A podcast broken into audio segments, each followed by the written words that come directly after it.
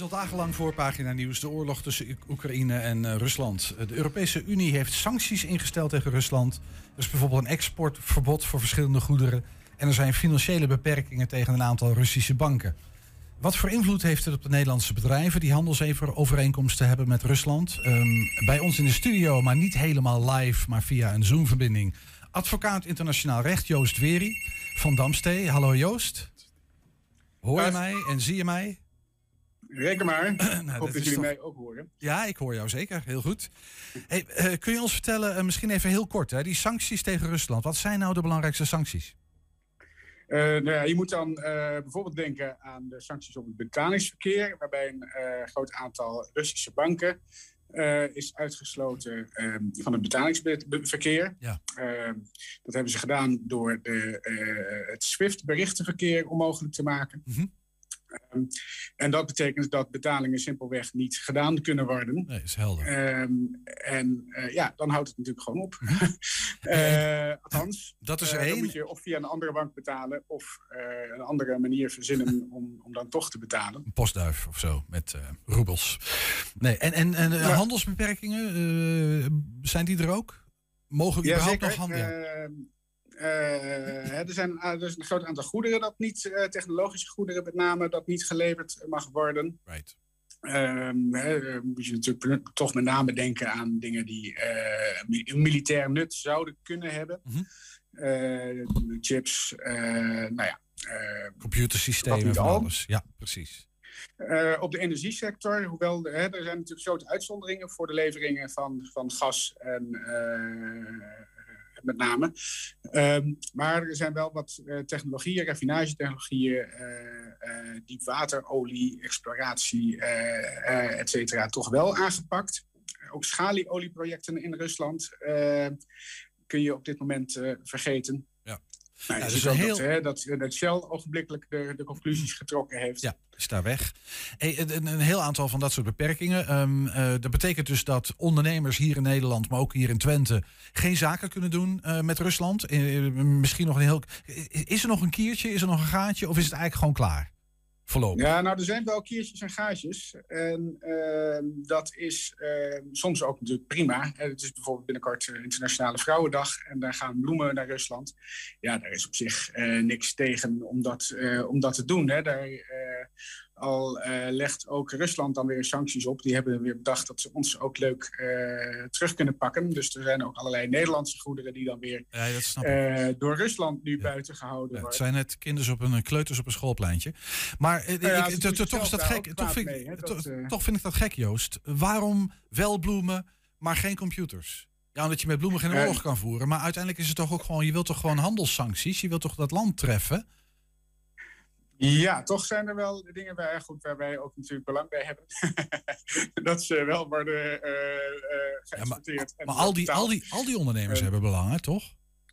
Maar zeker, ja. Nee, maar toch wordt er nog wel het een en ander buiten gelaten. Mm -hmm. Nou ja. Ehm, dus het, het zou nog, nog veel heftiger kunnen. Ja, dat is waar. Dat, hey, dat en, uh, zeker. Maar... En men, uh, men heeft natuurlijk wel ook met name die oligarchen. Hè, men probeert de, de, gewone rust nog een beetje te ontzien. En ook mm. ons eigen bedrijfsleven nog een beetje te ontzien. Ja.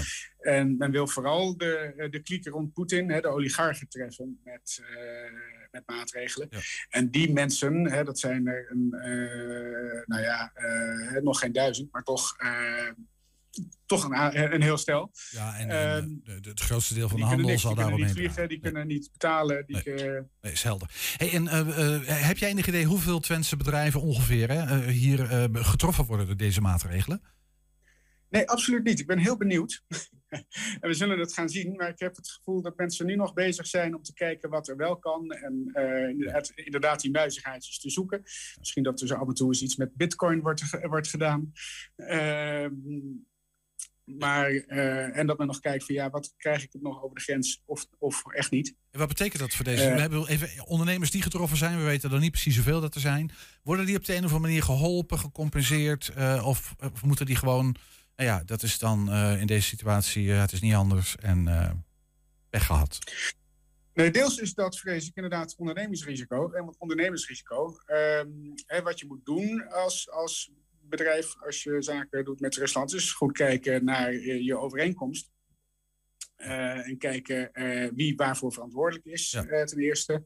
je moet kijken ehm, wat staat er in de over-overmacht. Want dit soort situaties zijn vaak wel geregeld.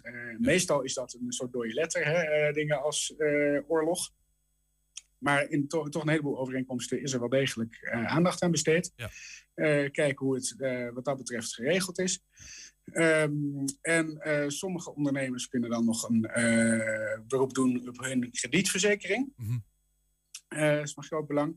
Ja, um, ja en dan, als dat allemaal, als je daarop gekeken hebt, ja, dan, dan, kom je dus uit bij of een soort ja, tijdelijke of definitieve onmogelijkheid om aan die, aan die overeenkomst te, te voldoen.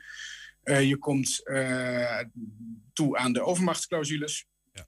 Uh, ook de wettelijke overmachtsregeling. Ja. Um, en um, ja, ook als er wel iets kan, nou dan is het dus kijken van ja, wil ik de overeenkomst zo laten aanpassen dat we datgene gaan doen wat, wat nog wel kan. Ja, snap ik. Ja. Dus, uh, daar dus, kun je voor eventueel naar de rechter stappen. Dus, ja, precies. Een hoop juridisch, een hoop cijfertjes, lettertjes. Vooral de kleine lettertjes uh, lezen, begrijp ik. En uitpuzzelen. Wat, Zeker, ja. ja. En wat dan zijn. Mochten er ondernemers zijn, Joost, die vragen hebben hierover, waar kunnen zij het makkelijkst terecht?